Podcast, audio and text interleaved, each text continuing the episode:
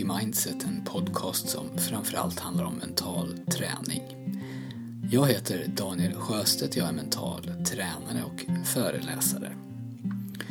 För mer än 60 år sedan så bestämde sig ett forskarlag att undersöka kraften i att sätta mål. Så de frågade avgångsstudenterna på Yale det året, 1953, huruvida de hade klara, tydliga, nedskrivna mål för sin framtid. Det visade sig att nästan ingen hade det. Bara 3% hade tänkt igenom det här och satt egna mål. 20 år senare kontaktades avgångseleverna igen och forskarna kollade hur det hade gått för de här studenterna. Det visade sig då att de 3% som hade satt mål hade tjänat mer pengar än de övriga 97 procenten tillsammans.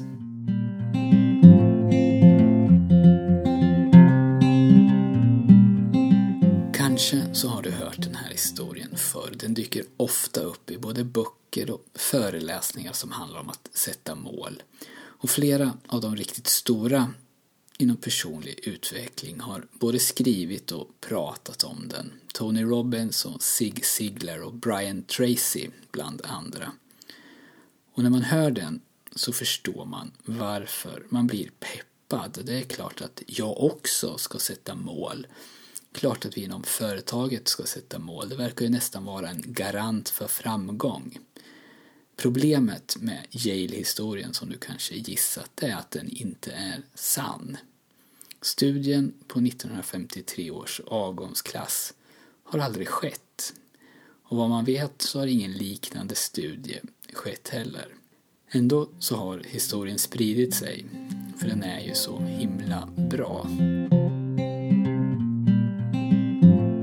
Det här avsnittet kommer att handla farorna, ett par möjliga fallgropar som finns när man förlitar sig för mycket till att sätta mål.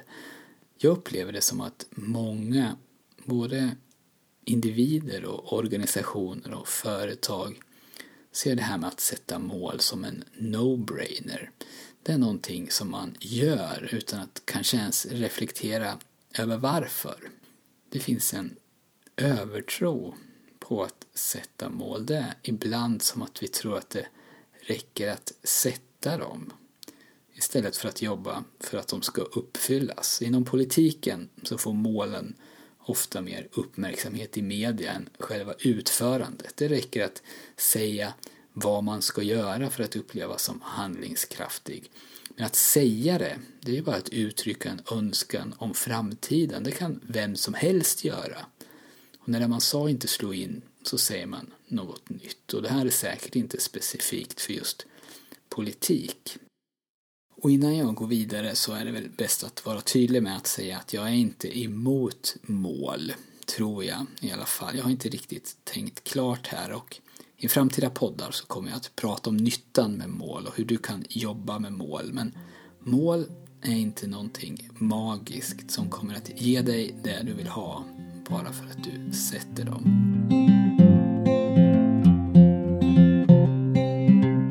Den största klyftan som jag ser, det är den mellan teori och verklighet. I teorin så är det lätt att förstå varför vi ska sätta mål och hur vi ska göra. Och om vi gjorde det vi sagt på det sättet som vi har bestämt så skulle det inte vara några problem. Då hade allting funkat perfekt. För i teorin så funkar det ju så att vi befinner oss här på punkt A till exempel och inom ett år så vill vi befinna oss där borta på punkt Ö. Punkt Ö är vårt mål så vi drar alltså streck från A till B som är ett delmål, sedan till C som är nästa delmål och sen till D, E, F och så vidare till vi kommer hela vägen. Vi sätter upp tidpunkter då vi ska nå de olika delmålen och vi mäter och kontrollerar så att planen håller. Kanske går vi ner i detaljnivå bara för att ingenting ska kunna gå fel. En solid och bra plan helt enkelt. Men det finns många problem med den här metoden som jag givetvis har förenklat en aning. För det första så tenderar vi att vara för optimistiska när vi sätter målen och delmålen och budgeten och tidsramarna. Vi utgår från bästa möjliga scenario och vi räknar gärna med den här magiska boosten som vi tror att vi får av det faktum att vi sätter mål överhuvudtaget. Det är så roligt att sätta mål, så motiverande. Att vi luras att tro att vårt framtida jag ska vara lite bättre på allt än vad vårt nuvarande jag har bevisat i handling. Och när målen kommer uppifrån så kan det här vara rent skadligt både för motivation och förtroende för då känner den som ska göra jobbet inte alls samma entusiasm som den som satte målet gjorde.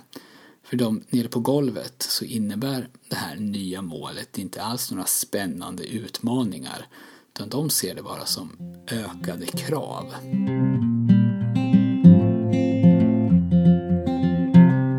Vi har också en tendens att se på oss själva som logiska och rationella.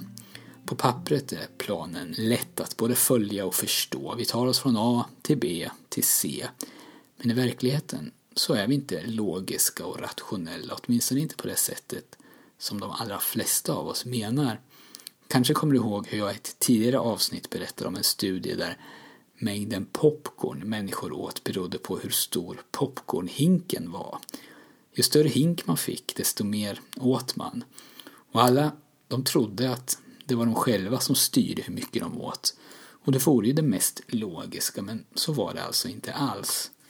Så vårt beteende är visserligen ofta förutsägbart, men det är inte alltid logiskt. Och om du har fyra saker att göra idag till exempel så är det inte omöjligt att ha gjort en mental att göra-lista. Först ska du gå på ett möte, sedan ska du skriva ett mail, sen ska du färdigställa en rapport och när allt det där är klart så ska du ringa den där kunden som hörde av sig och behövde hjälp. Om mejlet råkar vara lite jobbigt av någon anledning och du tenderar att skjuta upp det så finns risken att rapporten och kundkontakten inte blir gjorda heller. Du har skapat en kö i ditt huvud och för att en sak ska bli gjord behöver det som ligger före i kön bli gjort först. Och det här är ju totalt ologiskt. Om du inte skriver mejlet så är det bara att börja med rapporten istället. Och för vissa av er som lyssnar nu så kanske ni inte fattar någonting av det jag säger. För ni, ni går alltid direkt till rapporten även om mejlet inte blir skrivet. Men jag tror att andra förstår precis vad jag pratar om när jag beskriver den här kön i våra huvuden. Så om ditt mål är att träna tre gånger i veckan till exempel efter jobbet men kön i ditt huvud säger att du först ska städa badrummet och sedan gå och träna så kan det bli så underligt att du aldrig kommer iväg och tränar eftersom du skjuter upp städningen. Och du, du förstår ingenting. Och liknande saker, det händer i organisationer hela tiden. Det skaver mellan avdelningar, personkonflikter kanske, eller kulturkrockar. Man vaktar sina revir. Det händer en massa som påverkar, sånt som kanske inte är så lätt att ta på, som verkar ologiskt, men som har stor betydelse för hur vi agerar, både som individer och som en organisation. Och den här vägen som såg så rak och självklar ut när vi ritade kartan, den är plötsligt krokig och full av stickspår. Några upplevs kanske gå i rakt motsatt riktning jämfört med vad som var överenskommet medan de som gör det, de tycker att de är de enda som är på rätt väg. Det finns alltså ofta en skillnad mellan hur vi tror att det ska fungera eller hur vi tror att vi fungerar och hur det fungerar i verkligheten. Ett annat problem det är att mål kan hindra dig från att uppnå det du egentligen vill. Låt mig ta ett tydligt exempel. På nyårsafton bestämmer du dig för att sluta äta skräpmat. Det blir ditt nyårslöfte. Tre veckor senare så har du jobbat över, kanske du är trött och tjurig och hungrig och du vet att det inte finns någonting hemma i kylen. Du orkar inte hålla emot så du stannar till på McDonalds på vägen hem. Nu är det här målet att inte äta skräpmat inte längre möjligt att nå. Löftet är brutet. Och nu går vissa, eller kanske de allra flesta, tillbaka till sitt gamla beteende igen och börja äta lika mycket skräpmat som tidigare. Men varför satte du egentligen det här målet? Rimligtvis så var det för att du ville börja bry dig om din hälsa.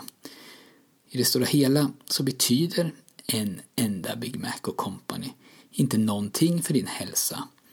Men när målet är omöjligt att nå så riskerar du att glömma bort helheten.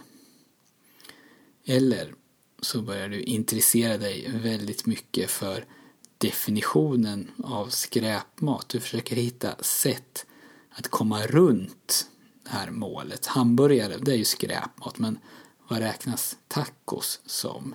Om dina kompisar käkar burgare så kommer du ju runt skräpmatsmålet genom att beställa två muffins istället. Muffins, det är en helt annan kategori och där har du inte lovat något.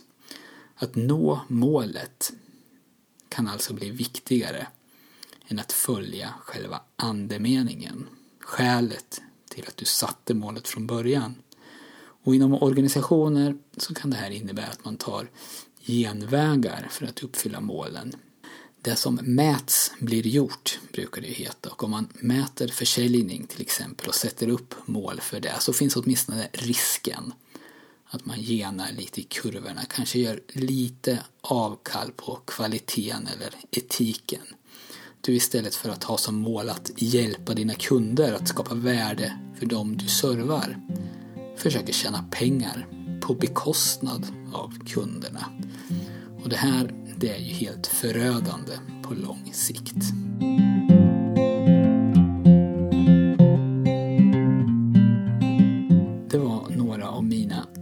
Tankar och jag vet som sagt inte riktigt vad jag själv tycker om mål. Att inte jobba med mål på det traditionella sättet det behöver inte betyda att du inte rör dig framåt och det behöver inte heller betyda att du inte vill uppnå någonting.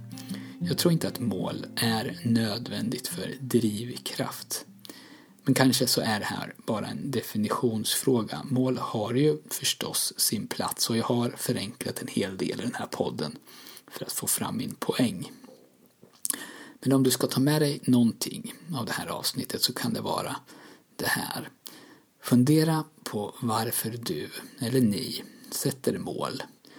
Är det verkligen målet som är det viktiga eller är det under vägen dit som du eller din organisations verkliga framgång uppkommer?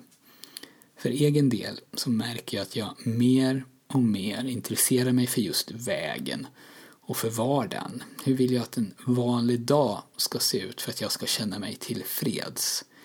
Inte en vanlig dag om fem år, utan hur vill jag att morgondagen ska se ut? Och så försöker jag så gott jag kan leva den dagen. Det går nästan aldrig exakt så som jag har tänkt mig.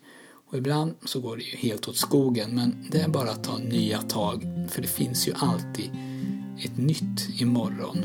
Om jag gör den dagen så bra jag kan så kommer bra saker att hända, även på sikt. Om jag nu skulle ha en femårsplan och tänker hur allt kommer att fixa sig då så är det ju med största sannolikhet inte någon enstaka stor händelse som kommer att göra det. Nej, det är vardag då också och precis som nu så följs en vanlig dag av en annan vanlig dag. Vanliga dagar, det är nästan allt vi har. Så se till att den dagen är så bra som möjligt.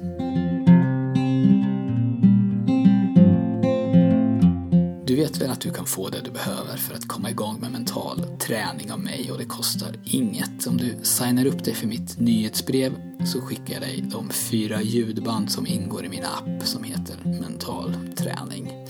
Och om du gillade det du hörde så skulle jag uppskatta en recension på iTunes, det hjälper podden. Det var allt för den här gången. Tack för att du har lyssnat. Vi hörs snart igen.